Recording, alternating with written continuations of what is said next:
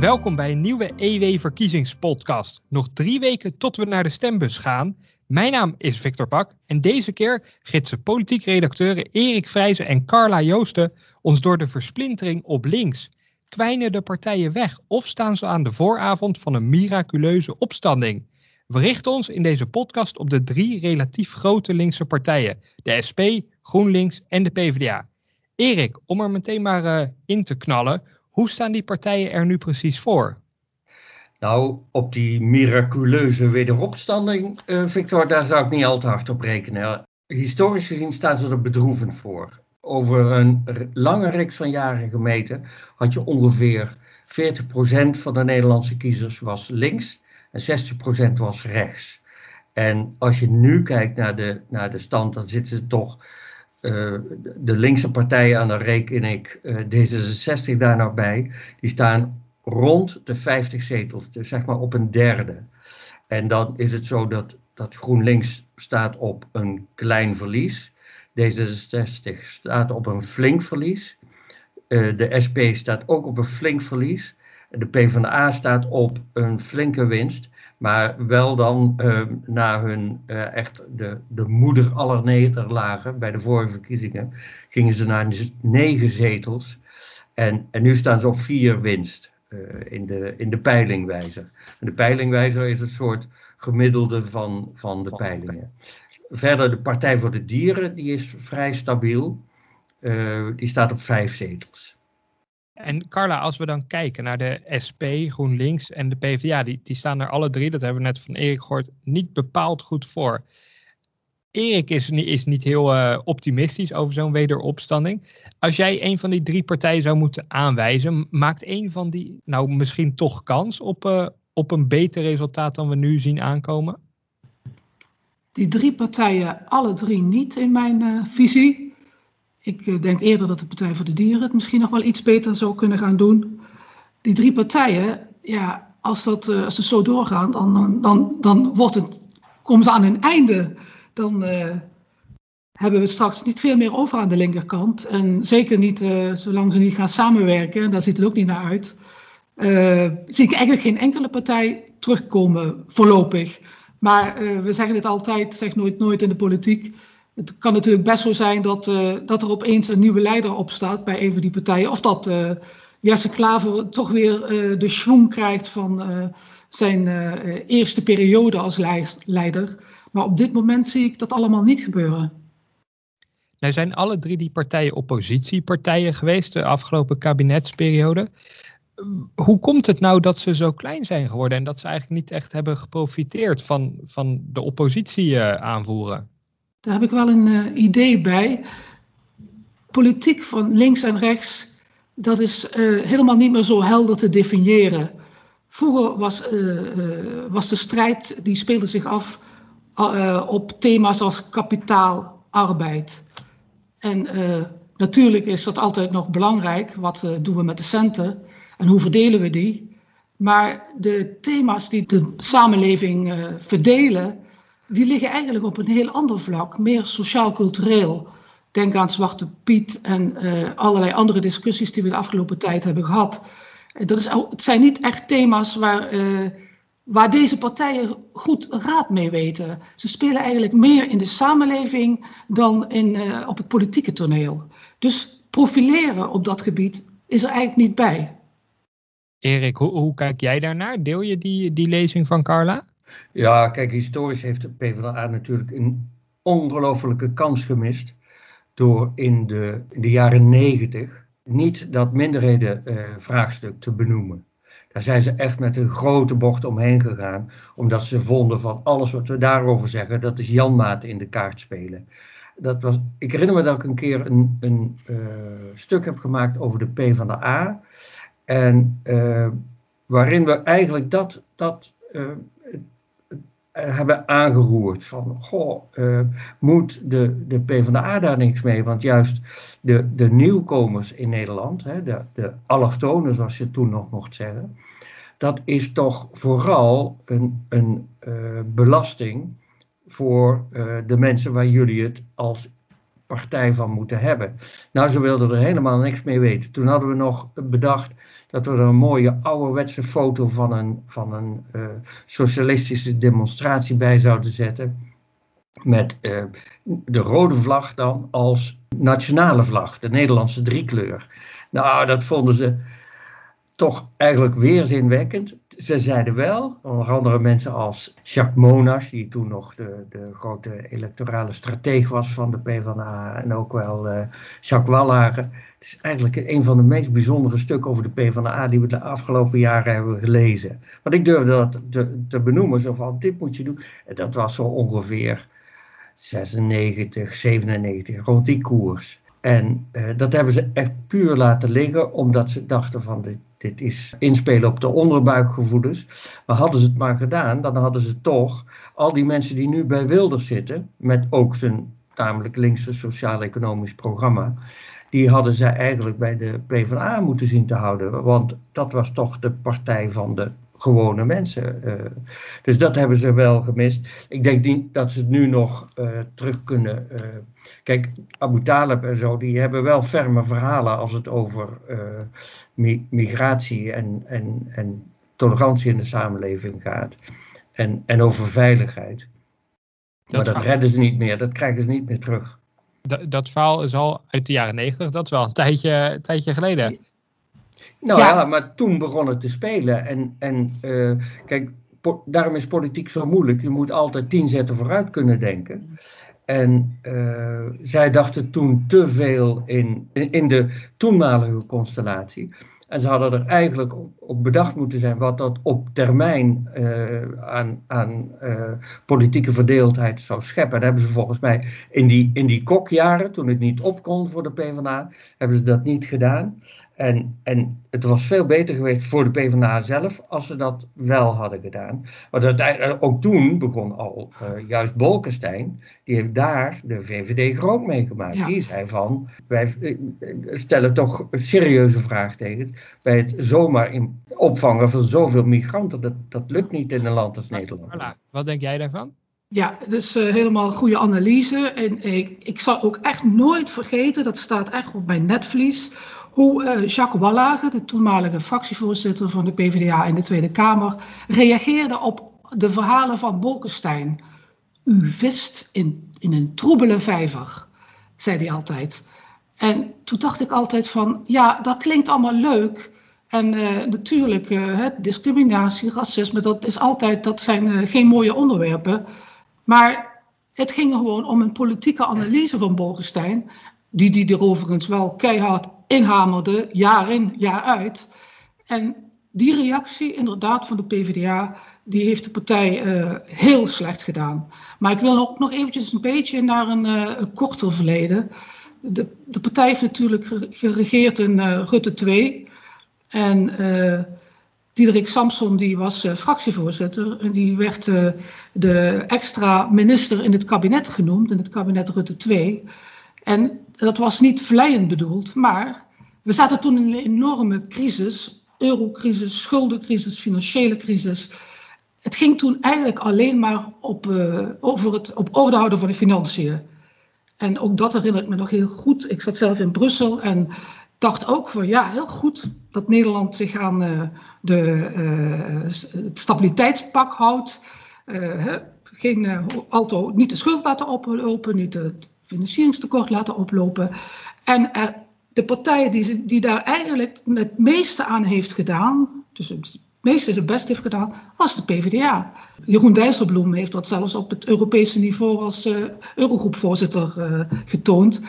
Maar ja, Rutte 3, die, uh, die kon er goede stier mee gaan maken, want de begroting was volledig op orde, een overschot. En de PvdA die hing totaal verslagen in de bankjes. Maar, maar dat is het, het verhaal van de PvdA, is dit. Um, Erik noemde het al, de moedernederlaag die ze leden na, na het meeregeren met, uh, met Rutte 2. Maar, maar hoe kan het dan dat bijvoorbeeld de SP en ook, ook GroenLinks maar weinig weten te profiteren van, van dat verlies dat de PvdA heeft geleden? Nou ja, dat, dat uh, Victor, is denk ik ook wel. Um, kijk, overal in, in Europa is dit gaande. Hè? Uh, overal is links eigenlijk op zijn retour. Als je het vergelijkt met de jaren 70, Toen, toen had je in Duitsland het socialistische uh, bondskanselier. In Zweden had je Olof Palme. In Engeland had je, had je de prime minister Wilson en zo. Daar waren ze echt aan de macht, kon je zeggen. Dat is nu, uh, ik geloof alleen in Spanje heeft nog een, een, socialistische premier. Maar overal zijn ze op hun retour. Dus toch een beetje de tijdgeest. Ik denk overigens wel, want uh, als, als je tot 2019, hè, de Europese verkiezingen, daar heeft de PvdA gewonnen. Hè, met, met, een, met een goede campagne en met, met vooral veel uh, anti-campagne van, de, uh, van de tegenstanders. Daarmee kun je het redden. En ik denk ook, uh, voor corona, dus zeg maar rond 2020, januari 2020, dacht ik, toen zag je ook in de peilingen de PvdA heel erg klimmen. En ik dacht, Lodewijk Asscher wordt de volgende premier van Nederland. Die was echt heel goed bezig. Dat was gewoon een serieus alternatief voor, voor Rutte. Juist door corona uh, stond de PvdA toch aan de zijlijn. Uh, Rutte pakte weer uh, zijn rol als crisisbestrijder, pakte die heel erg op. Vanaf dat moment zag je de PvdA naar beneden gaan. Wel iets hoger dan, dan in 2017 bij de moeder aller nederlagen. Toen ze van iets, wat was het, 34 naar 9 zetels gingen of zo. En uh, nu staan ze op, uh, ja, wat is het, 13, 14 zetels ongeveer. Um, dus, maar ik, sluit niet uit als er ooit een, een ploemen is nog te onbekend, denk ik, om het goed te doen als als lijsttrekker. Het is ook sneu voor ze dat ze niet mee mogen doen in die, uh, in die uh, belangrijkste debatten. Zoals aanstaande zondag het RTL-debat. Maar we moeten ook niet denken dat ze helemaal reddeloos verloren zijn. Ze komen nog wel een keer terug. Ook die andere partijen, SP en, en GroenLinks, dan, dat was jouw vraag, uh, Victor, die lijden ook heel erg onder de, uh, onder de corona, kun je zeggen. Omdat zij er toch ja, nauwelijks aan te pas komen, wel in de, in de Kamerdebatten. En die worden tegenwoordig allemaal live uitgezonden, dus daar krijgen ze ook wel aandacht. Maar wat zij, de fout die zij hebben gemaakt, is dat ze toch een beetje tegen, tegen Rutte tekeer gaan. En vervolgens komt uh, uh, Geert Wilders en die, die pakt hun argumenten mee en die maakt een grote show. En dingen als het beter betalen van verpleegkundigen en ook wel het anders aanpakken van de gezondheidszorg, minder marktwerking. Dat eigenlijk neemt Geert Wilders dat linkse, die linkse argumenten even uh, beter verpakt mee in zijn kritiek op het, uh, op het kabinet. En de proteststem tegen, tegen wat er aan beleid wordt gevoerd, die zit nu veel meer bij Wilders dan bij de linkse partijen. Wat toch raar is eigenlijk voor een centrumrechtskabinet. Maar als ik dan, we hebben dan het uh, nu over de PVV die een beetje concurreert met die, dat linkse geluid. We hebben ook al de Partij voor de Dieren genoemd en zelfs D66. Hebben ze dan, is er dan te veel concurrentie? Ja, ja de, het is een soort versnippering is er gaande. En daar worden partijen als de PvdA en ook al GroenLinks, die worden daar de dupe van. Ben jij het daarmee eens, Carla? Ja, nou ja, je, speelt natuurlijk inderdaad ook mee dat al die andere thema's, waar GroenLinks bijvoorbeeld het, belangrijkste speerpunt van heeft gemaakt, het klimaat, dat uh, ja, is toch een beetje naar de achtergrond verdrongen. We hebben gewoon acutere zorgen. En uh, dat lange termijn probleem, dat zich natuurlijk ook af en toe uh, wel actueel laat merken, maar dat, dat, dat komt later dan wel weer. Dat, dat merk je gewoon dat, dat de samenleving daar Behalve veel jongeren, die zijn er wel mee bezig, maar de samenleving verder niet zo. Over die, die thema's in deze podcast nemen we natuurlijk ook de verkiezingsprogramma's door. Want we hebben het nu gehad over hoe de partijen ervoor staan. Nou, niet al te best. Maar de grote vraag is natuurlijk ook, wat willen de partijen met Nederland? Nou, daar geven ze altijd vrij uh, dikke boekwerken voor uit. Uh, die heten dan verkiezingsprogramma's. Jullie hebben ze uiteraard doorgespit. Wat viel jullie het meest op in, uh, in de verkiezingsprogramma's, Carla? Nou, wat ik uh, opmerkelijk vond is uh, bij GroenLinks dat ze een minister van migratie willen, voor migratie moet ik zeggen. En dan zou je denken van, goh, ze zien uh, toch een probleem. Maar het is eigenlijk juist omgekeerd. Ze vinden dat er meer aanmeldcentra moeten komen voor asielzoekers. En alles moet allemaal eigenlijk positiever worden ten aanzien van het binnenlaten van asielzoekers en ook immigranten. Dan denk ik van ja, het probleem is juist dat we door die immigratie, die we eigenlijk onbelemmerd toelaten, ook allerlei andere problemen importeren, namelijk eh, de druk op de zorg, op de huizenmarkt, op het onderwijs. Maar daar gaat het in het verkiezingsprogramma helemaal niet over. En uh, wat me ook opviel bij GroenLinks onder, eh, weer, dat, dat ze dan de groepen benoemen waar ze speciale aandacht voor hebben. Dat zijn de thema's mensen- en vrouwenrechten, milieuactivisme, LHBTQ, heet dat dan. En minderheden en inheemse volken. Dat, staat ook eh, als een aparte categorie genoemd. Dat vond ik heel bijzonder. Eh, ik had nooit gedacht dat dat uh, een, een acute, acute, zaak was die, die we nou in Nederland moeten aanpakken.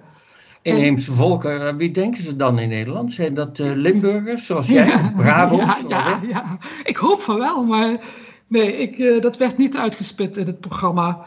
En wat Ach, mij verder bij de PvdA bijvoorbeeld op, opvalt, uh, en dat geldt trouwens ook voor de andere partijen, het minimumloon, dat moet omhoog. Uh, Liliane Ploemen die, die zegt dat ook iedere keer op tv, minimumloon moet omhoog. Maar ik vraag wel af, Carla, hoe ze dat gaan betalen. Kijk, het minimumloon, en, en het per uur, hè, daar hebben ze het over, 14, ja, 14, 14 euro, Ja. En dat vindt ja. trouwens de, de PvdA ook, hè? minstens ja. 14 euro minimumloon. Nou, de PvdA is de enige die echt het getal mij, noemt. Nou, de SP ook, 14 euro. Ja, Oké. Okay, En uh, het, het, minimumloon is nu ongeveer een tientje. Ja. Dus dan gaan ze de minimumlonen met de helft verhogen. Ja. Uh, ze willen ook nog de koppeling van de minimumlonen aan de uitkeringen. Dat wil GroenLinks volgens mij ook. Nou, dat wordt wel een serieuze kostenpost. Ja. Want dan moet nou ja, je de uitkeringen met bijna de helft ver verhogen. Ja. Er zit ook een verhaal achter. Hè? Er zit een verhaal achter, namelijk een verandering in het toeslagenstelsel. Waardoor je wat minder toeslagen hoeft toe te Volgens mij willen ze dat dan ook wel. Iemand moet gewoon van zijn uh, salaris kunnen leven. Dat is het idee erachter. Maar dat zijn natuurlijk allemaal dingen die. Ja, maar dan geven ze het de linkerhand en dan pakken ze het rechts weer terug. Dat is dan ja. toch. Ja. Uh, en ja. natuurlijk, de toeslagen, dat, dat is niet te handhaven op deze manier. Dus dat moet anders.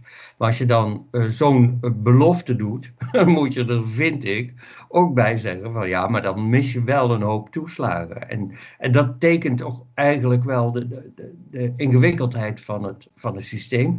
Ze willen iets doen voor de gewone mensen. Tegelijkertijd pakken ze het ook weer terug. En dat is. Uh, en, en dat, dat raakt zeg maar de, de kern van de moeilijkheden met de linkse politiek. Ze willen volop verdelen, maar tegelijkertijd wordt die verdeling zo ingewikkeld dat als je er bij wijze van spreken een tientje op vooruit gaat, dan, mis, dan, dan, dan uh, lever je alweer 11 euro aan toeslagen in. En ik denk dat heel veel mensen daardoor teleurgesteld zijn geraakt in de, in de uh, afgelopen jaren in de, in de linkse politiek. En dat verklaart waarom ze er zo slecht voor staan, volgens mij. Nou ja, die, uh, dat, even nog over dat minimumloon. We moeten niet vergeten, het is helemaal geen exclusief links punt. Want de, PVD, de VVD wil ook een hoger minimumloon. En, en dat, dat, daar zit ook datzelfde idee achter van je moet eigenlijk je kunnen redden met het, met het salaris en dan moeten we van die toeslagen af. En dat is dus in één kabinetsperiode allemaal niet te regelen. Dus, Klopt, de, de VVD wil een hoger minimumloon, maar die willen dan wel weer geen koppeling met uh, de sociale uitkeringen. En D66 wil overigens geen, ook geen volledige koppeling met de sociale uitkeringen. Die willen ook wel 10% hoger uh, ja. minimumloon. Dus van, van 10 euro per uur naar 11 euro per uur. Maar dan nog maar gedeeltelijke koppeling met de sociale uitkeringen. Dus je kunt ze eigenlijk, het is wel grappig, je kunt toch met een mooi lineaaltje, kun je die op, op de links-rechts schaal kun je die partijen eigenlijk wel, wel mooi uitzetten. Ja, het is toch, je begint links met de SP, dan GroenLinks, dan de PvdA en dan D66. Wat dat betreft is het allemaal wel uh, redelijk overzichtelijk gebleven. Ze zouden goed kunnen samenwerken, bedoel je ook? Nou ja, dat is wat. wat uh, Uh, Klaver ook, die heeft nu zelfs affiches dat, dat je, uh, als je op uh, GroenLinks stemt, dan, of, ja, dan krijg je er eigenlijk Lilian Ploemen en uh, Lilian Marijnissen en uh, Sigrid Kaag krijg je er dan bij. Nou, Lilian Marijnissen krijg je er maar half bij hoor. Want uh, die wil die er eigenlijk uiteindelijk toch niet bij hebben. Want die heeft op klimaat niet de juiste overtuigingen. Ik wilde nog even wat, wat toevoegen hier aan het, als, op het hoofdstuk verkiezingsprogramma's. Ze willen ook allemaal een hogere AOW. En we weten allemaal, AOW is altijd een beetje een explosief thema in de Nederlandse politiek. Maar goed, de verhoging van de AOW dat zal minder tot discussie leiden dan een eventuele verlaging. Wat natuurlijk niet aan de orde is. Maar de SP wil 25% verhoging van de AOW. Nou, uh, de doorrekening van het CPB moet gelukkig nog komen. Dus we kunnen straks zien wat dat tot gevolg heeft. Maar uh, in elk geval, ah en de SP wil ook nog terug naar 65, 65 jaar. Dan geloof ik dat dat niet geldt voor de andere. Ik, ik moet zeggen, ik kan er ook altijd wel weer van genieten hoor, van die verkiezingsprogramma's. Ja. lees je bijvoorbeeld bij GroenLinks dat ze een reclameverbod willen voor uh, uh, stuntprijzen met, met vliegvakanties. Dus eigenlijk mag, mag Ryanair en EasyJet, die mogen dan niet meer adverteren. Er moet ook een reclameverbod komen voor SUV's, dus de duurdere four-wheel drives BMW's en zo en, en de, de Range Rovers die mogen niet meer uh, adverteren in de krant of op tv. En uh, ook energiebedrijven mogen niet meer ad adverteren. en verder, ja, natuurlijk, het grote punt is toch kernenergie. Daarvan, daar zijn ze dus eigenlijk allemaal op tegen. Bij PvdA en, en D66 zijn iets vager. Maar dat wordt bij de kabinetsformatie wel een een, ehm, een, een, dingetje natuurlijk. Het, het uh, grappigste voorstel vond ik nog bij uh, GroenLinks: statiegeld op wijnflessen. Nou, hoe ze dat gaan, gaan doen, want ja, goh, dat wordt toch nog wel heel ingewikkeld. Maar uh, ja, ik, het, het, heeft wel iets vertederends, zou ik maar zeggen. Als je streeft naar een nieuwe wereld, dan moet je bij de wijnflessen beginnen. Ja, maar de woorden uit de mond, Erik. Want ik had het woord, lief had ik opgeschreven. Het is allemaal zo lief ook wat in die programma's staat. En vooral ook heel gratuit, hè. Want ja... De nou ja, ze denken, er zijn... Uh, volgens de SP zijn er 200.000 uh, miljonairs in Nederland. En die moeten alles gaan betalen. Maar dat betekent wel dat, dat ook op de huizen de belasting uh, fors omhoog zullen gaan. En, en door de stijgende huizenprijzen zit, is dadelijk ook, ik zal maar zeggen, als je ooit als politieagent in, in de buurt van Utrecht een huis hebt gekocht, dat wordt nu al bijna. Uh, een miljoen. Dus als je ook nog een paar spaarcentjes hebt en zo, dan zit je ook daar, behoor je al tot, uh, tot de categorie waar volgens de SP en de GroenLinks de klappen moeten gaan vallen. Nou valt me op in wat jullie zeggen dat er best wel veel overeenkomsten zijn in, in de plannen. Bijvoorbeeld, ze zijn dus alle, alle drie tegen kernenergie in principe. Ze willen alle drie een hoger minimumloon, waarbij ook de koppeling uh, met, de met sociale uitkeringen behouden blijft. Erik zei al dat, dat GroenLinks zelfs een beetje campagne voert voor, voor ja, de conculega's. Dat is allemaal heel, heel erg lief en vertederend. Maar hoe realistisch is het dat ze dat ook dat ze elkaar blijven vasthouden, zoals men dan zegt, tijdens bijvoorbeeld een kabinetsformatie? Uh, ja, um, de PvdA zegt, wij willen alleen maar met één andere progressieve partij aan, deelnemen aan een kabinet. We gaan het nooit meer alleen doen, zoals we in uh, Rutte 2 hebben gedaan. Um, dat lesje hebben ze dus geleerd. Ja, of dan die andere progressieve partij ook D66 zou mogen zijn. Uh, daar zijn ze dan weer een beetje vaag over. Kijk, en dat de SP uh, niet meteen met de uh, VVD gaat regeren, dat snappen we ook wel. Of gewoon ik ook wel eens VVD'ers hoor die zeggen van nou, met die, met die SP kunnen we prima regeren, want die leveren echt alles in. Om, om maar te bewijzen dat ze regeringsveeg zijn. En ik, ik denk dat Rutte ze in een kabinetsformatie toch wel redelijk snel uit elkaar zou kunnen spelen. Maar als het niet hoeft, en, en uit sommige peilingen, dan, dan heeft de huidige coalitie nog wel een meerderheid. Als het niet hoeft, ja, dan, dan doet Rutte dat nu niet. Dan gaat hij geen avonturen beginnen met GroenLinks of, of met de PvdA. Ik, ik vond het zelf wel een goeie dat uh, Lilian Ploemen uh, nogal spontaan antwoordde in het tv-programma Buitenhof. Dat uh, op de vraag wat ze zou doen, zou ze in de Kamer blijven of zou ze vicepremier willen worden als de PvdA inderdaad zou gaan regeren. Toen zei ze dat ze in de Kamer wilde blijven. Dat vond ik eigenlijk wel verstandig, maar dat gaf ook wel een beetje aan dat, uh, dat de regeringszin bij de PvdA dat die, dat die heel klein is. Dat, Op zich is het niet zo bijzonder. Hè? Kijk, de laatste keer dat ze in het kabinet zaten, dat was Rutte 2 toen uh, is Diederik Samson ook gewoon in de Kamer gebleven ja, met het ja. idee van dan word ik de linkse Bolkestein. En dat heeft toen toch niet bij zo goed geholpen. Nee, dat wilde ik nou net zeggen. Ik heb daar niet, uh, niet veel van gemerkt. Nee, maar dat had natuurlijk te, te, maken met wat ik net vertelde over die specifieke situatie onder Rutte 2 van de internationale crisis. En uh, daar heeft, de, wilde de PvdA zo graag aan meehelpen om die op te lossen. Dat was ook prijzenswaardig, vond ik. Maar dat, de kiezer dacht daar toch anders over. En, en het, het, is een vraag die eigenlijk altijd opkomt. Bij de, bij de formatie zegt Erik al dat Rutte wel uit elkaar kan spelen. Maar een fusie tussen die drie partijen, het, het, wordt, het komt geregeld op in het nieuws. Soms zijn er her en der wat initiatieven over linkse samenwerking stel nou de verkiezingen die gaan een beetje verlopen zoals ze nu in de peilingen ervoor staan. Dat, dat betekent dus eigenlijk weinig winst, geen wederopstanding. Gaan, gaan ze dan een keer echt serieus praten over, over een fusie? Of blijft dat, uh, blijft dat uh, ijdele hoop in die zin? Ik denk dat het er niet van komt. Dat, uh, omdat het gewoon, wat je zegt, het al zo vaak aan de orde is geweest. En het, ja, het, het komt vaak niet verder dan één kopje koffie. Dus de, de, de drang is gewoon te klein. Ja, ik heb geleerd uh, in al die jaren dat ze over uh, progressieve blokvorming uh, gaan praten. Het, het, de, het initiatief daartoe komt altijd van degene die het op dat moment heel slecht voor staat. En degene die het dan afwijst, die, die, springt er nog redelijk bij uit.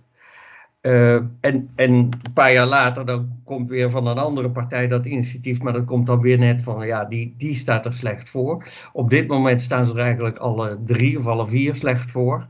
Dus ja, uh, heel veel moeten we daar niet van verwachten. Het is ook altijd, kijk, die partijen, die hebben ook allemaal een andere nestgeur. De, de, de SP ruikt toch weer anders dan de, dan de P van de A en GroenLinks ook weer anders.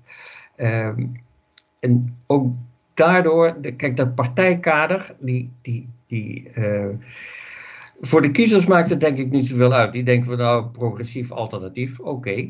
Maar die, die, dat partijkader, dus die mensen die daar al tientallen jaren uh, uh, voor actief zijn, die haten elkaar. De grootste haat uh, tegen de SP zit echt bij de PvdA. En omgekeerd is dat ook volledig wederzijds. Bij de SP vinden ze de grootste verraders. Die zitten bij de, bij de PvdA. En het grootste gevaar voor de, voor de PvdA, dat zit bij de, bij de SP. Dus, dus echt vrienden zullen ze nooit worden. Nou ja, hier, hier komt ook het, uh, een oude spreuk naar voren. Uh, dat, die heeft uh, betrekking op de PvdA. Goed voor de mensheid, slecht voor de mens. en dan bedoelen ze vooral de interne mens. Ze, ze, ze, gaan gewoon niet lekker met elkaar om. En de, de, de allerslechtste voorbeelden daarvan, die kennen we uit, uh, uit de SP. Waar uh, sommige ex-leden, ex-politici ook uit de school hebben geklapt uh, over de interne verhoudingen. En als je, als je dat al allemaal hebt, dan is, dan is het volgens mij ook gewoon moeilijk om, om echt een, een, moeilijk een traject als samenwerking met andere partijen. Daar moet je toch wel heel stevig en goed voor in je schoenen staan daar is de kans dus, uh, dus klein op, als ik jullie zo uh, beide beluister. Dan gaan we nog het even hebben over waar jullie komende week op gaan, uh, gaan letten. En Erik, ik, ik neem aan dat ik wel weet waar jij naar uitkijkt komende week. Ja, defensie, defensie, defensiedebat, hè, dat gaan we weer doen. we, de, we is dan EW. We doen het elk jaar eigenlijk. Dit keer is het dan een verkiezingsdebat ook, rondom het thema uh, defensie, waar weinig op wordt, uh, wordt gelet natuurlijk, maar wat toch heel belangrijk is. Eigenlijk is defensie het, de primaire taak van de, van de overheid. Dus ja, ik, ik verwacht er veel van. Uh, er doen uh, vier partijen doen mee. Voor uh, de VVD komt Peter Valstar, de nummer 21 van de kandidatenlijst. En een voormalig assistent van Janine Hennis als minister van Defensie. Hij wordt denk ik wel in een nieuwe parlementaire periode, zal hij denk ik wel de defensiewoordvoerder van de VVD worden. Voor D66 doet mee Salima Belhai, defensiewoordvoerder in de huidige Kamer. En zij staat uh, zesde op de, op de kandidatenlijst van uh, D66. Dus dat is, zes is altijd een belangrijk getal bij, bij die partij. Dan doet mee voor de, het CDA Martijn van Helvert. Onverkiesbaar op de 25e plek, maar een belangrijk uh, woordvoerder in de Tweede Kamer. En ik zie hem heus nog wel met voorkeurstemmen in de, in de nieuwe Tweede Kamer komen hoor. Want hij is heel erg regionaal uh, bezig en uh, Limburgers stemmen heel vaak uh, op een partijgenoot. Dus hij maakt een goede kans. En, dan, en, voor de PvdA treedt aan Adje Kuiken. ook vrij hoog op de, op de PvdA-lijst. Dus we verwachten er veel van. De inleiding uh, wordt verzorgd door de commandant der strijdkrachten, vice-admiraal uh, Rob Bauer. Klinkt heel goed. Um, Carla, waar ga jij uh, komende week op letten? Want er, er zijn naast het belangrijke EW-defensiedebat nog een paar andere debatten. Ja, ik ben wel een, een fan van inhoudelijke debatten, dus debat over de inhoud, zoals inderdaad ons eigen defensiedebat. Maar dus, je ziet heel veel verschillende debatten. En ik hoop dat ik de tijd kan vinden om die allemaal te volgen. Over gezondheidszorg, over landbouw, over onderwijs. Dus alle thema's, die, die krijgen eigenlijk een eigen debat. En eigenlijk vind ik die veel interessanter dan de, de kopstukken die elkaar uh, in een soort uh, tafeltenniswedstrijd uh, om de oren gaat slaan. Hoewel dat natuurlijk voor het amusement en voor de spanning ook heel interessant is. Dus dat, uh, daar verheug ik me toch ook wel op.